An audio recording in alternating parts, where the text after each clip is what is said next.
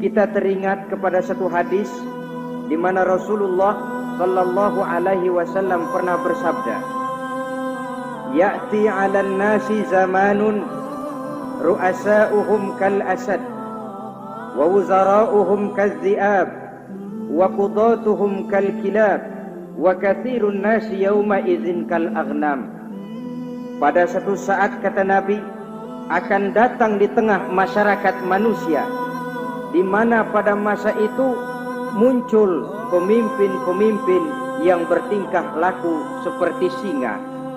Ru'asa'uhum kal asad pemimpin-pemimpin mereka bertingkah laku seperti singa. Saudara kenal singa? Saudara boleh periksa. Di mana ada hutan singa selalu menjadi raja. Padahal hutan belum pernah bikin pemilihan umum. Tapi yang namanya singa tidak pernah peduli. Ada pemilihan umum atau tidak, raja hutan tetap singa.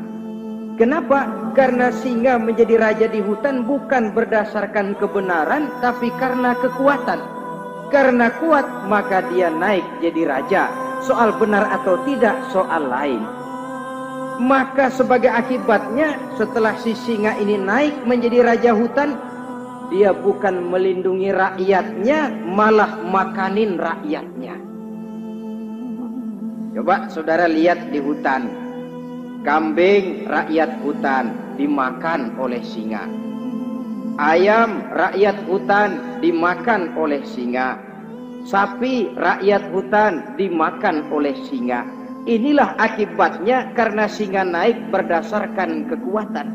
Setelah naik bukan melindungi rakyatnya, malah makanin rakyatnya. Mental semacam inilah yang dimiliki oleh Raja Namrus laknatullah alaih. Cuma karena rasa ketakutan akan datang orang yang akan menumbangkan kekuasaannya, maka seluruh bayi laki-laki harus dibunuh tanpa dosa apa pun.